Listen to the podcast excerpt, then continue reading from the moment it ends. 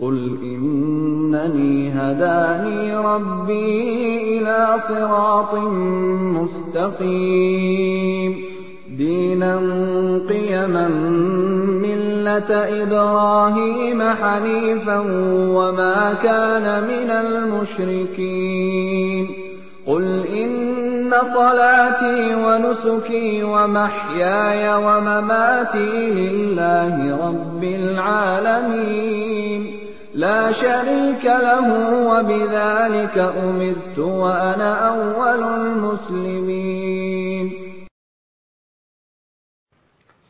إن الحمد لله تعالى نحمده ونستعين به ونستغفره ونعوذ بالله تعالى من شرور أنفسنا وسيئات أعمالنا.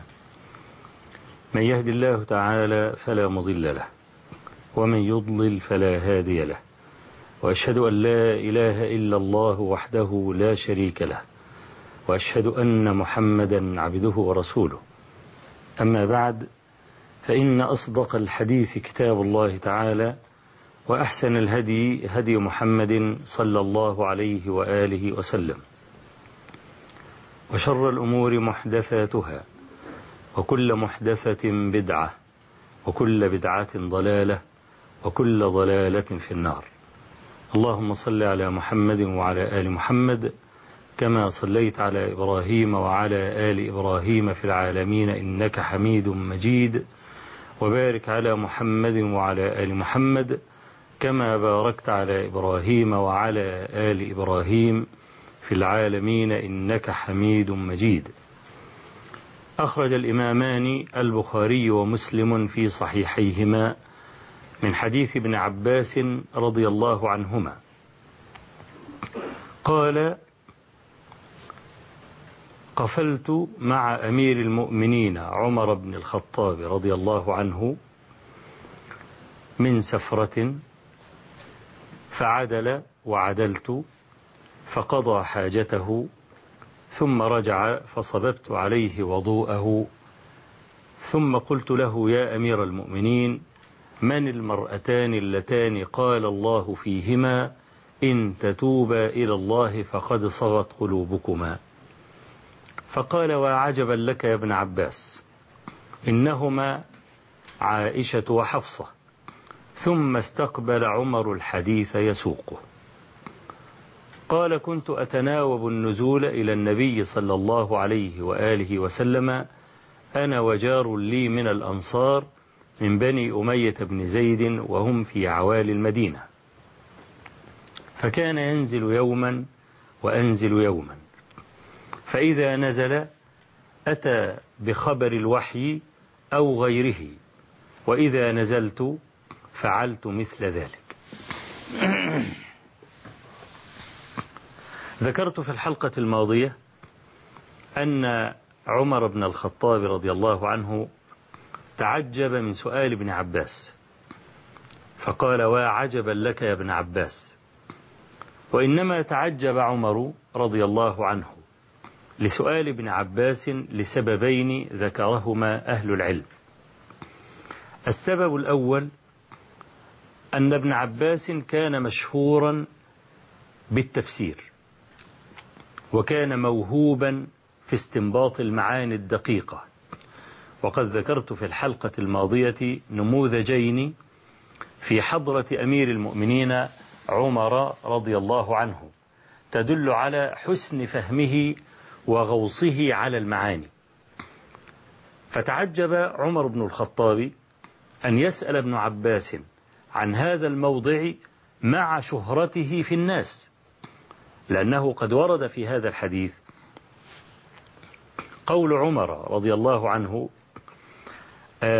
لما سمع من امرأته أن حفصة تغاضب النبي صلى الله عليه وآله وسلم وتهجره اليوم حتى الليل أنه لبس ثيابه ونزل إلى المسجد فوجد عند المنبر رهطا يبكي بعضهم والنبي صلى الله عليه وسلم معتزل في مشربة له فهذا كان حدثا مشهورا في المدينة لأن المدينة إذ ذاك لم تكن واسعة أو مترامية الأطراف أو كثيرة السكان. وأي شيء كان يخص النبي صلى الله عليه وسلم حتى لو افترضنا أنها كانت مترامية الأطراف وكثيرة السكان أي شيء كان يخص النبي عليه الصلاة والسلام ما كان يخفى على أحد من المسلمين. فهذا الموضع مع شهرته. كيف خفي على ابن عباس أيضا مع تدقيقه وفطنته ومعرفته بالاهتمام بآيات الله تبارك وتعالى. لذلك تعجب عمر من هذا. السبب الثاني الذي أبداه أهل العلم هو إعجاب عمر بابن عباس لأنه يطلب أسباب النزول. إن تتوبا إلى الله فقد صغت قلوبكما نزلت هذه الآية بسبب.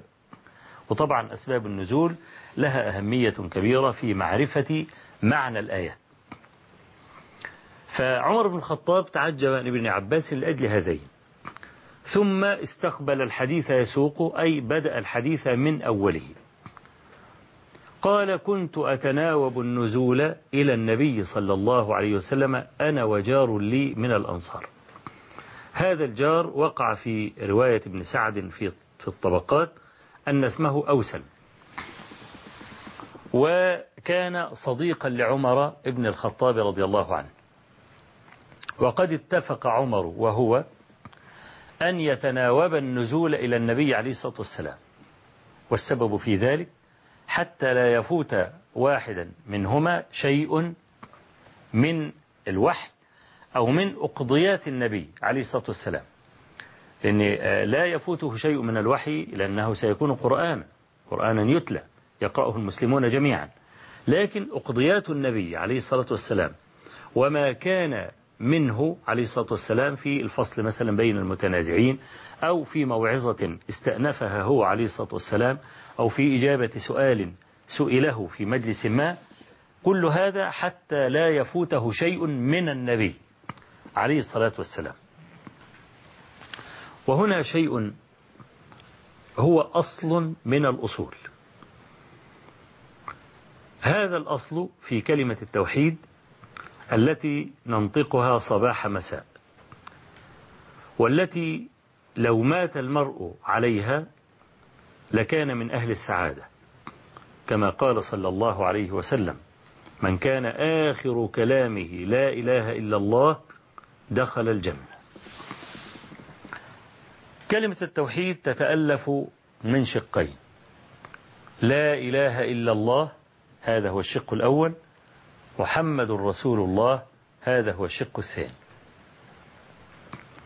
يسوءني حقا أن كثيرا من المسلمين لا يعرفون معنى هذه الكلمة العظيمة التي من أجلها خلق الله عز وجل السماوات والأرض ومن أجلها أنزل الكتب وأرسل الرسل وقامت رحى الحرب بين المؤمنين والكافرين ولا يوضع السيف إلى يوم القيامة. لأجل إقامة هذه الكلمة لا إله إلا الله محمد رسول الله. لا إله إلا الله معناها لا معبود بحق سوى الله. محمد رسول الله لا متبوع بحق سوى النبي صلى الله عليه وسلم. كما أننا نقول لا شريك لله تبارك وتعالى في العبادة نقول لا شريك للنبي صلى الله عليه وآله وسلم في الاتباع. واتباع أي عالم يأتي بعده إنما هو فرع على اتباعه صلى الله عليه وآله وسلم. وهذا معنى كبير. لو فطن إليه المسلمون لرجعوا إلى أعظم دوافع عزهم ومجدهم. بقدر بعدهم عن تطبيق هذه الكلمة بشطريها بقدر بعد التمكين عنهم وسيطرة أعدائهم عليهم. لا إله إلا الله محمد رسول الله. كل السعادة كل السعادة في أن يتتبع المرء كلامه عليه الصلاة والسلام. ولا يقل هذا فرض وهذا نفل من جهة الامتثال. فإن الصحابة في باب الامتثال ما كانوا يفرقون ما بين ما هو فرض وما بين ما هو سنة.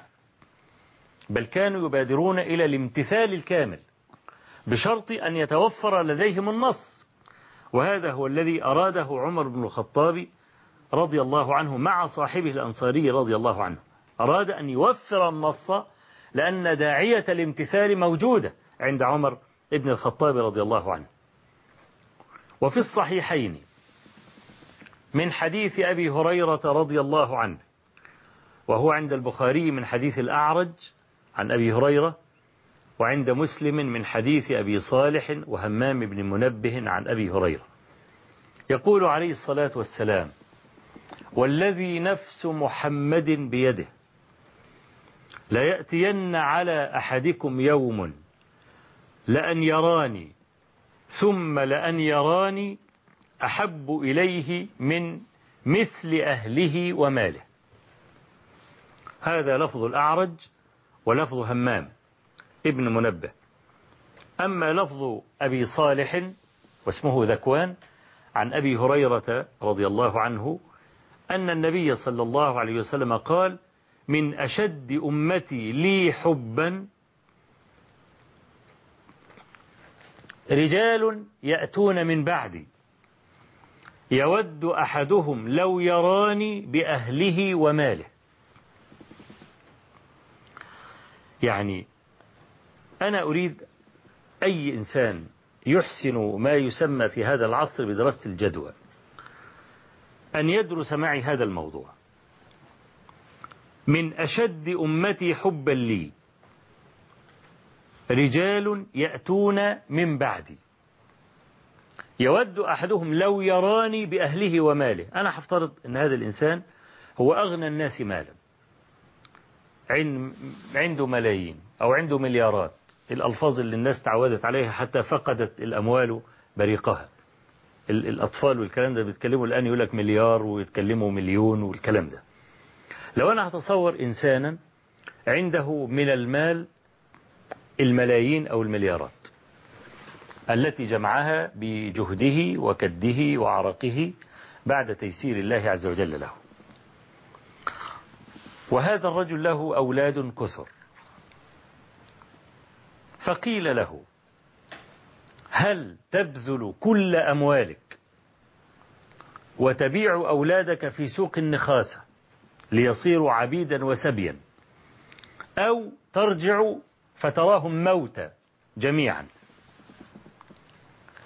أيمكن أن تفعل هذا في مقابل أن تنظر إلى وجه النبي صلى الله عليه وسلم نظرة واحدة؟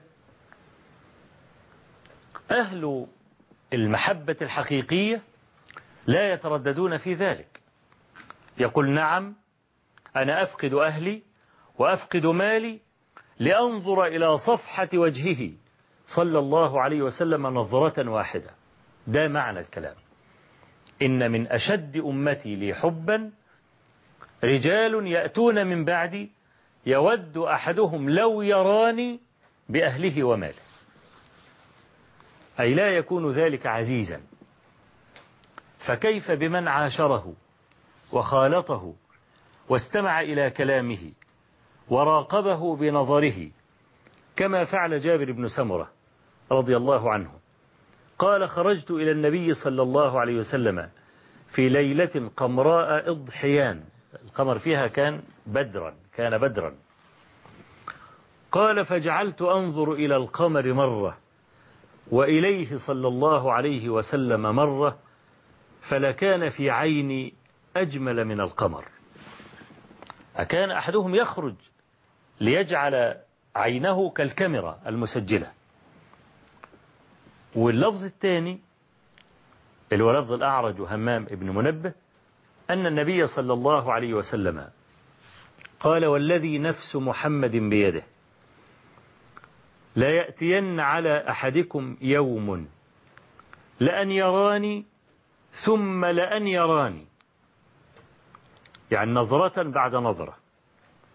وفي لفظ لهمام بن منبه ليأتين على أحدكم يوم لا يراني ثم لأن يراني. لا يراني أي بعد موتي. ثم لو قدر له أن يراني أو لو تمنى أن يراني فظفر بذلك بعد موتي لكان أحب إليه من أهله وماله أو من مثل أهله وماله. فطبعا اللفظ اللي هو الأول اللي هو لأن يراني ثم لأن يراني أي يجدد النظرة بعد النظرة. أما اللفظ الثاني لا يراني ثم لأن يراني لأن فقد النبي عليه الصلاة والسلام كان بالنسبة للصحابة من أعظم المصائب أو هو أعظمها على الإطلاق. وأنا فعلا كلما يعني قرأت أحاديث وفاة النبي عليه الصلاة والسلام وما كان الصحابة فيه من الحزن أتمثل أجرهم العالي في ذلك. لأن النبي صلى الله عليه وسلم قال أشد الناس بلاء الأنبياء ثم الصالحون ثم الأمثل فالأمثل يبتلى المرء على قدر دينه. فأعظم بلاء وقع في الصحابة هو فقد النبي عليه الصلاة والسلام. كان يجلس بينهم وكان يمشي بينهم وكان الواحد منهم لا يشعر بأي هم في الدنيا ولا بأي نصب. والنبي عليه الصلاة والسلام بين ظهرانيهم. وفجأة فقدوا هذا النور. وصاروا يتامى بعد دفنه عليه الصلاة والسلام. حتى كما قال أنس رضي الله عنه قال جاء النبي صلى الله عليه وسلم فدخل المدينة فأضاء منها كل شيء فلما مات أظلم منها كل شيء. فأنا لأجل أن أحقق كلمة التوحيد في الشطر الثاني اللي هو موضوع حلقتنا اليوم أن نفهم معنى وأن محمدا رسول الله. لا يتأتى لك أن تتأسى به عليه الصلاة والسلام إلا إذا كنت عالما بكلامه محتفيا به. والمحبون يبحثون عن أي شيء مهما كان دقيقا جليلا.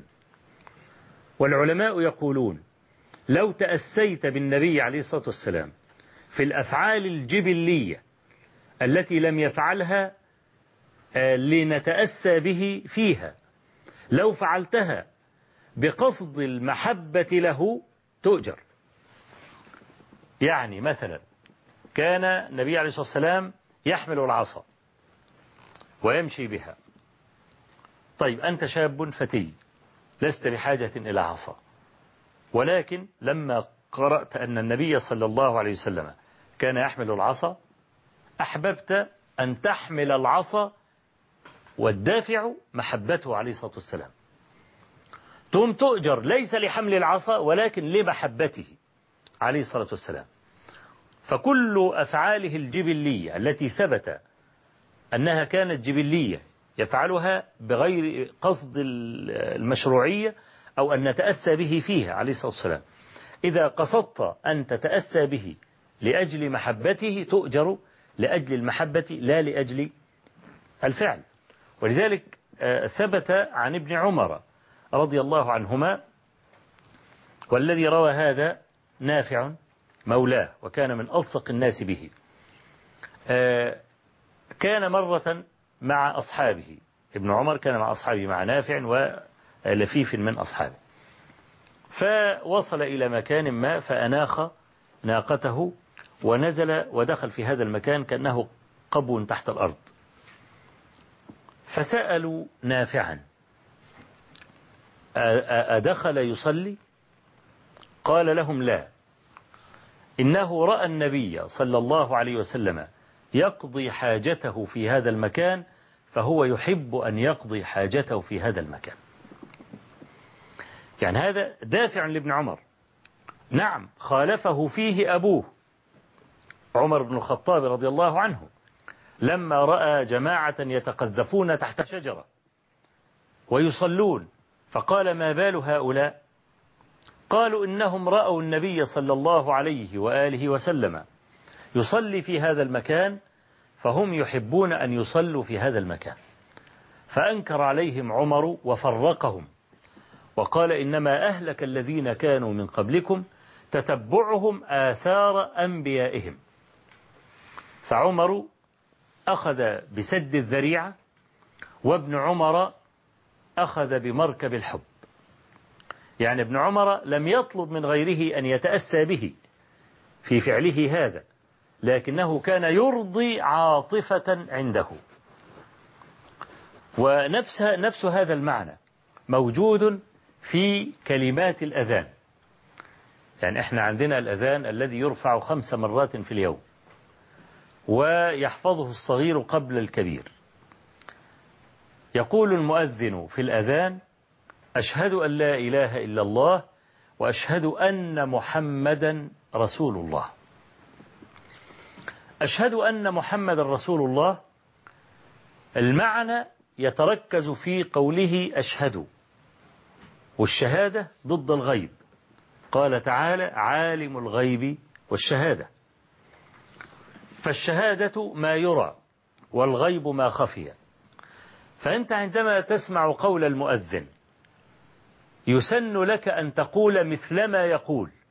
يعني هو يقول أشهد أن محمد رسول الله وأنت أيضا تقول أشهد أن محمد رسول الله. وفي اللفظ الآخر في الحديث الآخر كان النبي صلى الله عليه وسلم إذا سمع المؤذن في الشهادتين يقول وأنا وأنا. أي وأنا أشهد أيضا أن محمد رسول الله. إيه معنى بقى وأشهد أن محمد رسول الله؟ معناه كأنني أراه عندما يصلني كلامه. وأرجو من إخواني الذين يتابعونني أن يتأملوا هذا الموضع حق تأمله. فإن أعظم مشاكلنا تترتب على على إهمال هذا المعنى. اتفق أهل العلم جميعا على أن الرد في حياة النبي صلى الله عليه وآله وسلم فيما اشتجر بينهم إليه عليه الصلاة والسلام.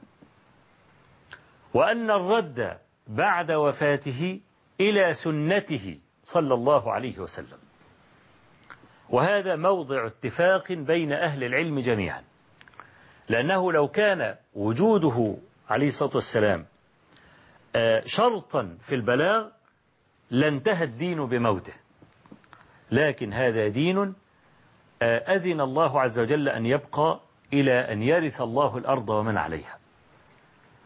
وكان الله عز وجل إذا أرسل رسولا إلى بني إسرائيل أو, أو إلى الأمم السابقة فيموت فيبدل الناس فيأتي رسل آخرون يذكرون بعهد الرسول الذي مضى أو يأتون ببضعة أحكام جديدة على لسان هذا النبي فرضها الله عز وجل على الناس. فلما قضى الله سبحانه وتعالى أن يكون نبينا صلى الله عليه وسلم هو آخر الأنبياء وأن تكون شريعته هي آخر الشرائع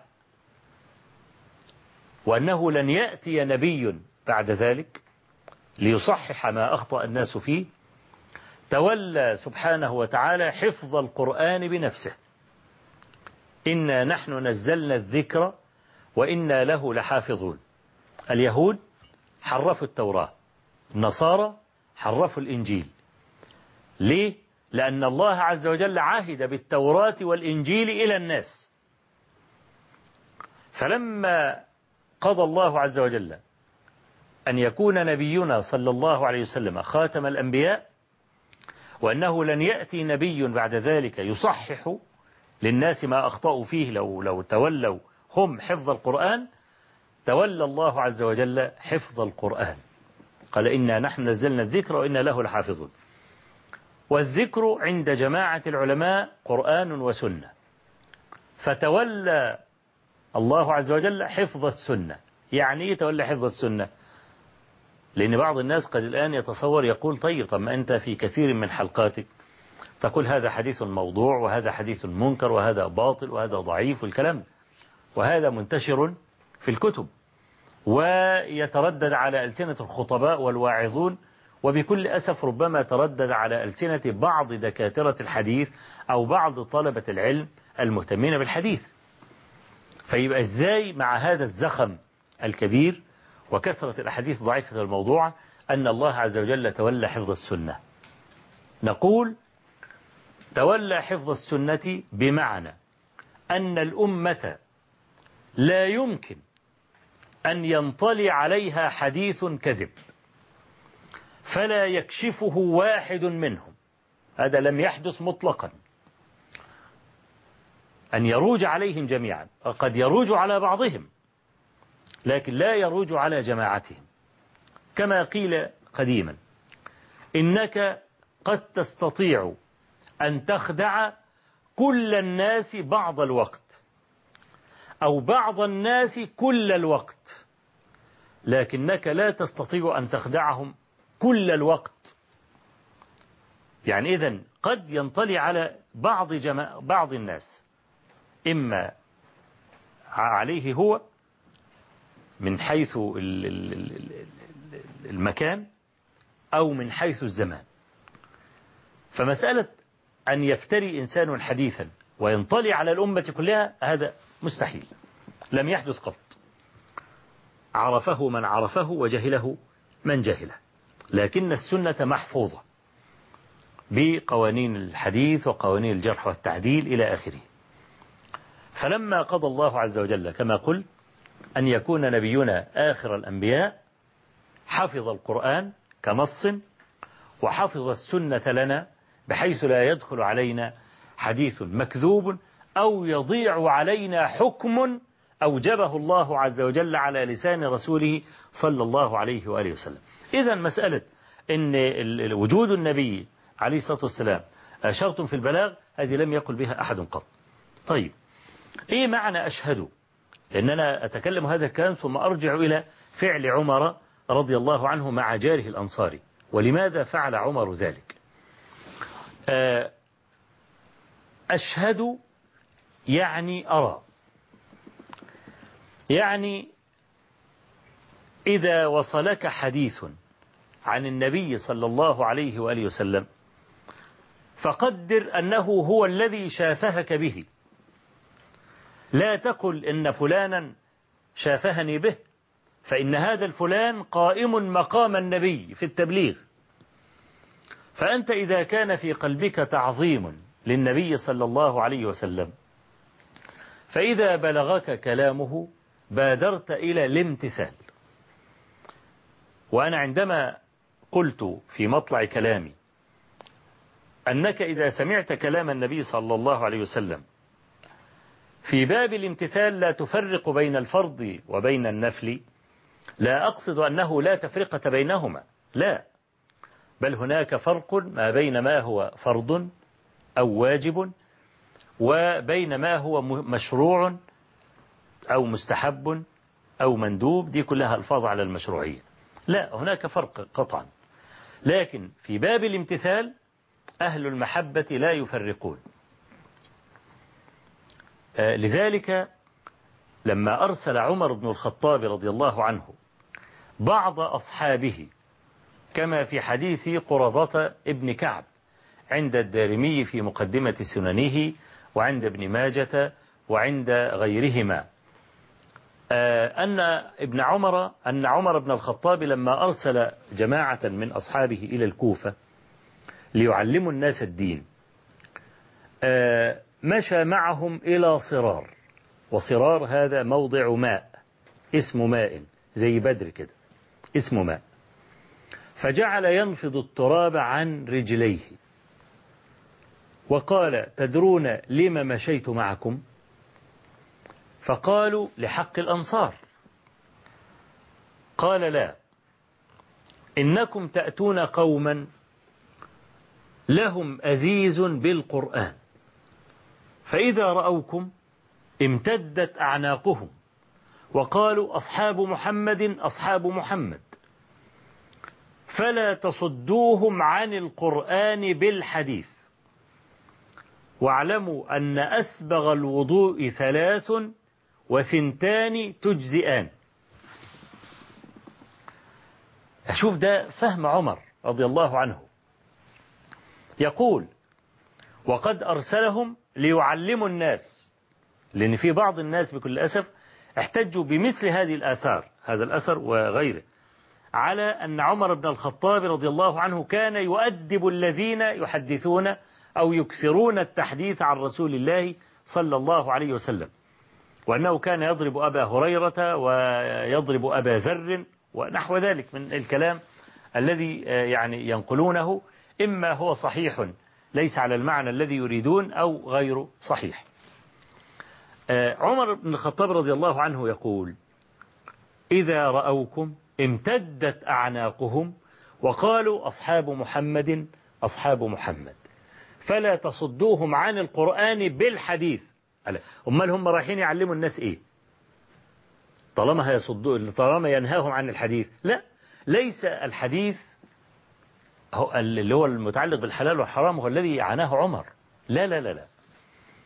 الذي عناه عمر ابن الخطاب رضي الله عنه سيرة النبي عليه الصلاة والسلام وحياته مع أزواجه ومع أصحابه. ولون القميص الذي كان يلبسه وهيئة العمامة التي كان يلبسها وهيئة العصا التي كان يحملها وهل كان يعني يفك أزرار القميص أم لا وهل كان إذا مشى كيف كان يمشي وإذا جلس إلى المائدة كيف كان يأكل. مثلا وهل كان يلعق أصابعه بعد الأكل أم لا. وسادته التي كان ينام عليها ما كان حشوها؟ أمن ليف أم من ريش عام طب هل كان ينام على ما يشبه المرتبة ولا كان ينام على الحصير؟ طيب إذا أراد أن ينام كيف كان نومه؟ إذا استيقظ كيف كان يقول؟ إذا قام من الليل كيف كان يقرأ؟ كيف كان يركع؟ كيف كان يسجد؟ مثلا. يعني اللي هي الأشياء المتعلقة بالشمائل شمائل النبي عليه الصلاة والسلام. فهؤلاء المحبون يبحثون عن كل شيء ودي طبيعة المحب. يعني أحيانا يرتاب في المحب. يعني لو في واحد مثلا بيحبك جدا وجاي بيسألك أسئلة زي دي أنت هتعتبر أنه جاسوس. ليه؟ فضولي. يسأل عن كل شيء.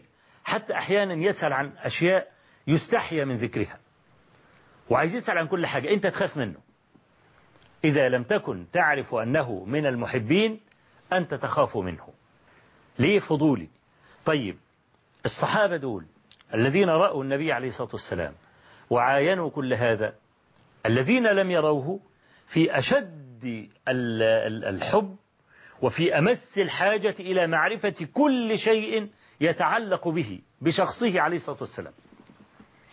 فطبيعي إذا كان هو له حزب في القرآن ولا ورد في القرآن ولا بيحفظ آيات معينة أو الكلام ده سيصده ما يسمعه أو ما يريد أن يطفئ به نهمته عن القرآن.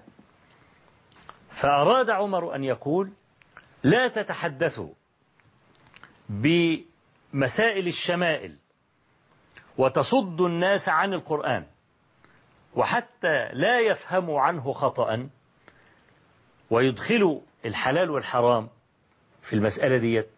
قال واعلموا أن أسبغ الوضوء ثلاث وثنتان تجزئان. إيه معنى الكلام؟ معنى الكلام أن ما جرى هذا المجرى في الحلال والحرام وفيما لا تصلح الصلاة إلا به أو العمل إلا به فأنا إنما أرسلتكم لتفعلوا ذلك لتعلموا الناس ذلك. فكأنه أراد أن يقول ما تعلق بالأحكام الشرعية؟ وضرب الوضوء مثلا فأنا إنما أرسلتكم لتعلموا الناس ذلك. أما ما كان غير ذلك فلا تصدوهم عن القرآن بالحديث. فطبيعة الإنسان المحب أنه يبحث عن كل شيء. فالنهاردة مثلا أنا لقيتك آه لقيتك مثلا حليقا في الطريق. فقلت لك إن النبي صلى الله عليه وسلم حرم حلق اللحية وقال كما في حديث أبي هريرة وكما في حديث ابن عمر وغيرهما من الصحابة رضي الله عنهم أعفوا اللحى وقصوا الشارب وخالفوا المجوس في لفظ وخالفوا اليهود والنصارى في لفظ. ده إيه معناه؟ معناه كما ذهب إليه جماهير أهل العلم وجوب إعفاء اللحية. اللحية دي عاملة زي العلم. كل دولة لها علم.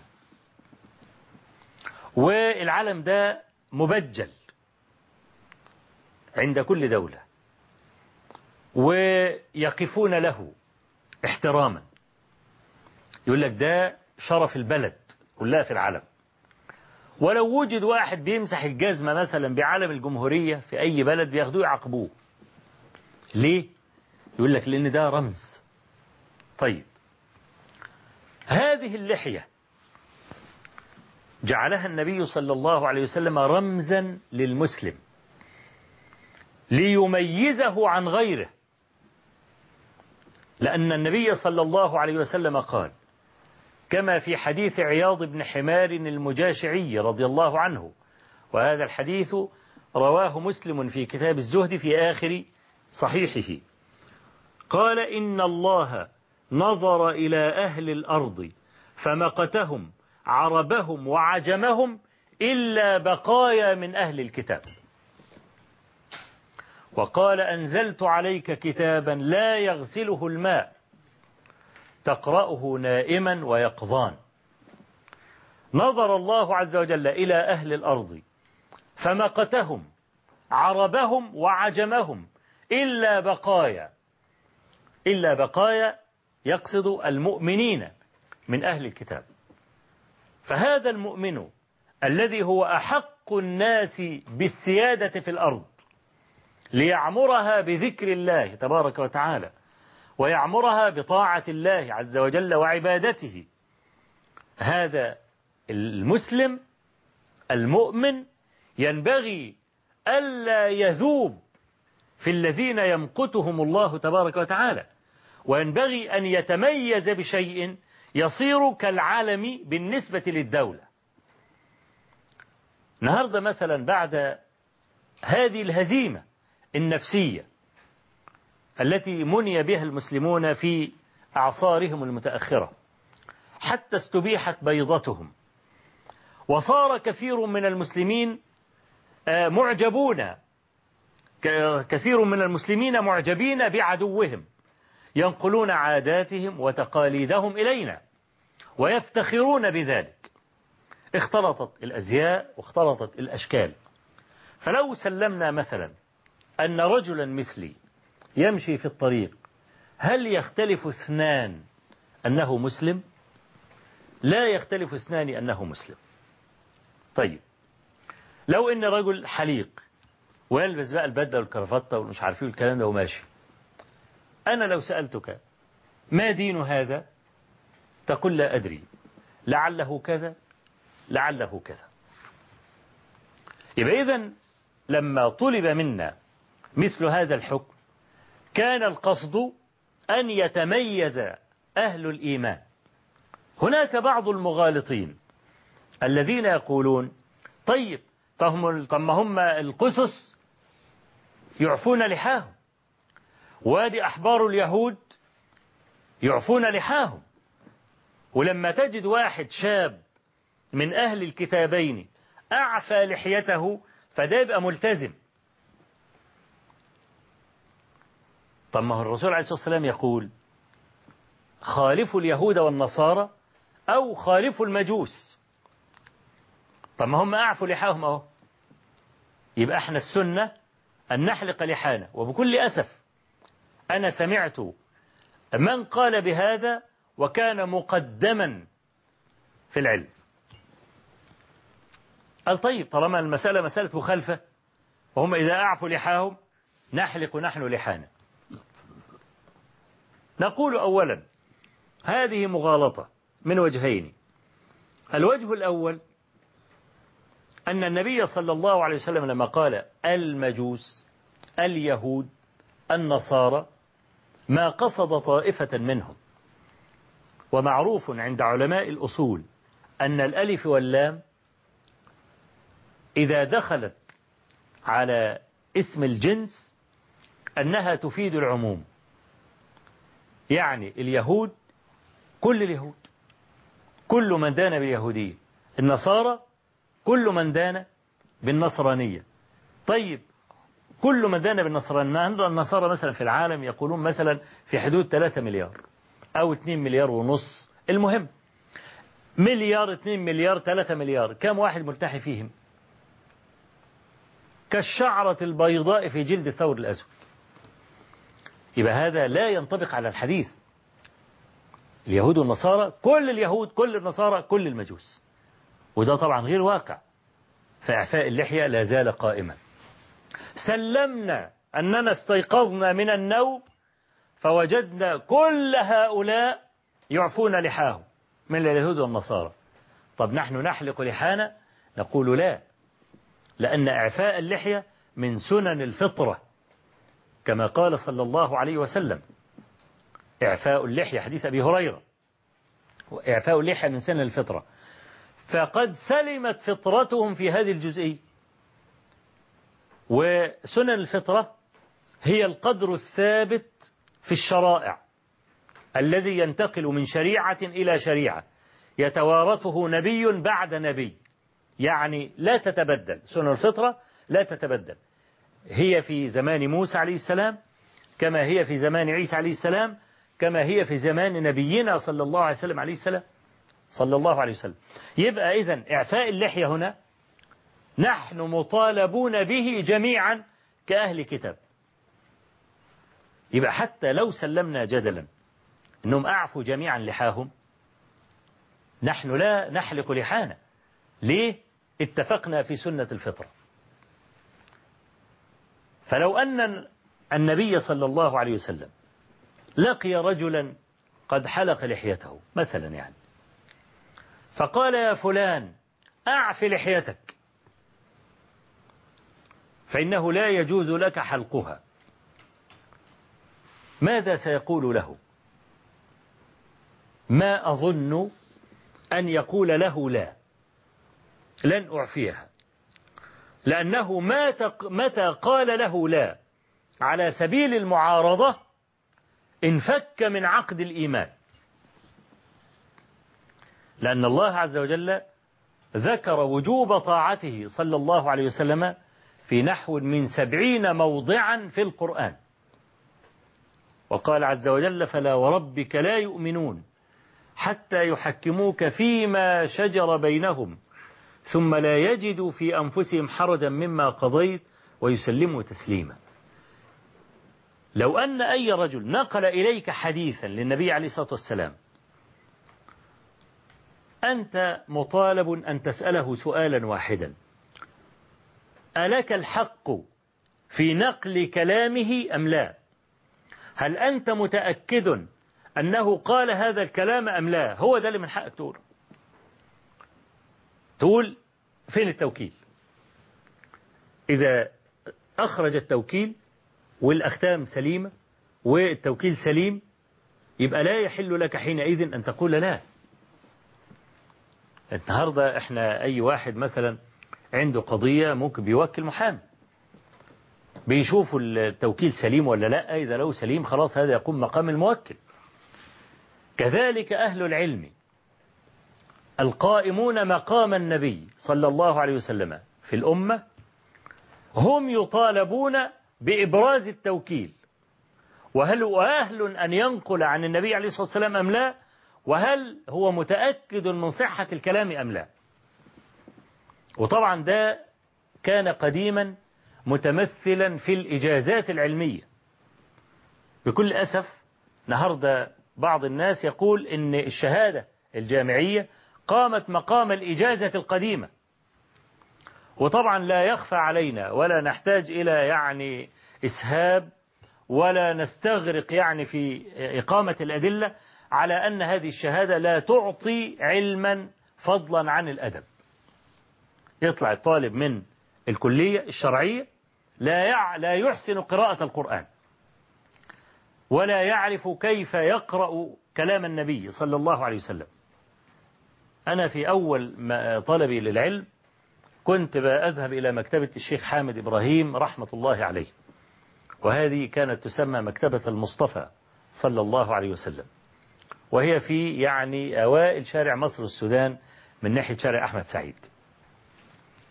المكتبة دي يعني لها فضل كبير علي وعلى كثير ممن يعني أتعلم فيها.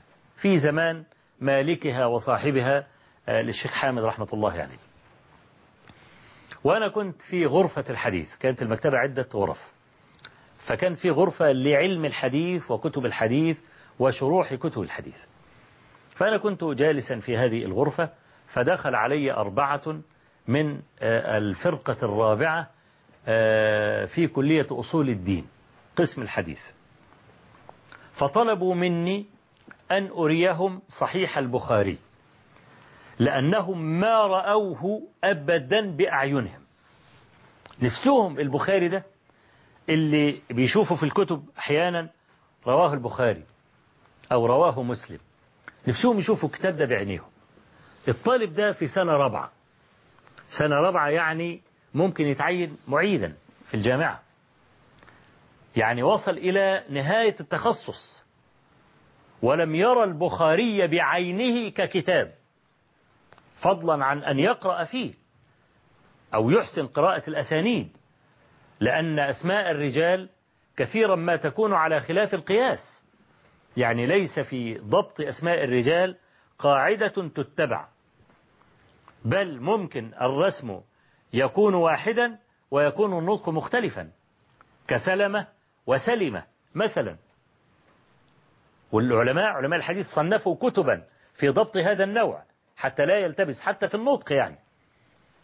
فكثير من الأسماء لا تجري على القياس إنما تؤخذ سماعا وتؤخذ تلقيا. فلما يبقى طالب في هذه السنة النهائية لم يرى صحيح البخاري بعينه يبقى خلاص بقى مسألة بقى أنه يعرف يقرأ دي حاجة مستبعدة. فضلا عن أن يعرف شرط البخاري في الصحيح إيه؟ فضلا عن أن يعرف الترجمة على قتة بالحديث إيه؟ لا ده ده قصة بعيدة خالص. بيطلع ده إما أن يكون إماما أو خطيبا أو واعظا أو نحو ذلك. هذه الأشياء كلها لا يعرفون عنها شيئا. فأنا لا أستطيع أن أسلم أبدا أن الشهادة الجامعية هي إجازة للكلام. وأنا قرأت في بعض الجرائد الرسمية جريدة الأهرام على وجه التحديد يعني من عدة سنوات أن وزير الأوقاف رفض تحويل الأئمة إلى فراشين. وطبعا العنوان أثار استغرابي لأن في هناك فرق ما بين إمام المسجد والفراش بتاع المسجد. إمام المسجد ده هو القمة بتاع المسجد. إزاي يبقى إمام وعايز يبقى فراش؟ فلما قرأت الخبر وجدت إن, إن كثير من الناس الذين لا يحسنون قراءة القرآن ما هو إمام يعني إيه؟ يعني مطلوب منه أنه يصلي على الأقل فرضين. يجهر فيهما بالقراءة. يا بيقرأ في صلاة المغرب يا بيقرأ في صلاة العشاء. وإذا كان الإمام بعيد السكن عن المسجد ما بيحضرش صلاة الفجر. فالأئمة دول مش حافظين قرآن وحتى مش عارفين يقروا قرآن صح. فبدل ما كل المأمومين عمالين يصححوا لهم وبعد ما يخلصوا يا ابني احفظ قرآن والكلام ده آخر إحراج لا يتحول لفراش حسن. فلما كثرت هذه الظاهرة رفض الوزير تحويل الأئمة الفراشين. ما هو ده متخرج من إيه اللي تعين إمام ده؟ يا متخرج من كلية شريعة يا من أصول دين يا من كلية دعوة يا من كلية قرآن الكريم. متخرج من أي كلية شرعية؟ لا الإجازات قديما لم تكن كذلك. إنما كان يشهد للعالم العلماء علماء العصر هم الذين يشهدون للعالم أنه أهل أن يتكلم. كما ثبت عن مالك رحمه الله قال ما استطبت الفتية حتى شهد لي سبعون من أهل المدينة. أنني أهل لذاك. سبعون من أهل المدينة. زي الزهري وزي ربيعة وزي هشام بن عروة وزي هذا الضرب من العلماء الكبار. الفقهاء السبعة مثلا. وبعضهم طبعا أقصد لا أقصد أن مالكا أدرك الفقهاء السبعة لا. أقصد أن هؤلاء الفقهاء السبعة ورثوا العلم إلى تلاميذهم الذين أخذ عنهم الإمام مالك رحمة الله عليه. فيبقى إذن النهاردة أنت عندما يقول لك قائل قال رسول الله صلى الله عليه وسلم إذا كان أهلا أن ينقل عن النبي عليه الصلاة والسلام ويعرف أن النبي صلى الله عليه وسلم قال هذا الكلام هذا من حقك. أما إذا كنت متأكدا وعالما أن هذا رجل عالم بصحة النقل عالم بصحة الدلالة. صحة الكلام فهم الكلام يعني. حينئذ لا يجوز لك أن تقول لا. لو قلت له لا كأنك قلت للنبي صلى الله عليه وسلم شخصيا لا. فأنت عندما تسمع قول المؤذن أشهد أن محمدا رسول الله كأنك قلت أنا أراه إذا بلغني كلامه أشهده. إذا بلغني كلامه. فإذا بلغك كلامه وجب الامتثال حينئذ إذا كان الأمر على الوجوب. وند وندبت إلى الامتثال إذا كان على سبيل الندب أما أهل المحبة فلا يفرقون بين الفرض وبين الندب بل في باب الامتثال كأنه فرض عندهم جميعا. يبقى عمر بن الخطاب رضي الله عنه لما كان يتناوب النزول إلى النبي صلى الله عليه وسلم هو وجاء وصاحبه من الأنصار كان يريد ألا يفوته شيء قط عنه عليه الصلاة والسلام. ومع ذلك هل فات عمر شيء عن النبي صلى الله عليه وسلم؟ مع هذا الحرص الدائب نعم. فاته أشياء نعم هي قليلة. بالنسبة لمن جاء بعده كعثمان. وهي قليلة بالنسبة لعثمان بالنسبة لعلي. وهي قليلة بالنسبة لعلي إذا قيس بمن بعده. وأبو بكر الصديق كان أعلمهم بالنبي صلى الله عليه وسلم. يعني لما بحثنا في الأقضيات التي أو في الأحاديث التي فاتت الخلفاء الراشدين وجدنا الذي فات عمر أكثر من الذي فات أبا بكر. وهكذا بالتدريج الذي ذكرته. ومع ذلك كما قلت لكم فات عمر رضي الله عنه شيء من ذلك. من ذلك مثلا ما رواه الشيخان من حديث أبي موسى رضي الله عنه أنه استأذن على عمر يوما فلم يأذن له. فبعدما استأذن ثلاثا رجع أبو موسى.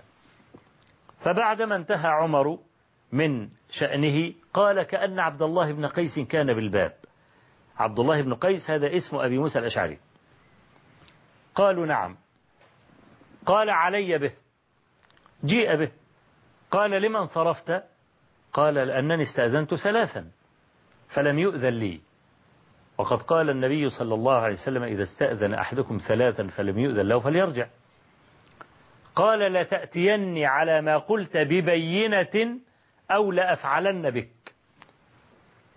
فخرج أبو موسى متغير اللون فصادف مجلسا من مجالس الأنصار. فقص عليهم ما جرى فتعجبوا. أن تفوت, أن تفوت سنة الاستئذان على عمر مع ملابسته الشخصية للنبي صلى الله عليه وسلم ومع تناوبه أيضا. يعني عمر الخطاب كان لازق للنبي على طول عليه الصلاة والسلام.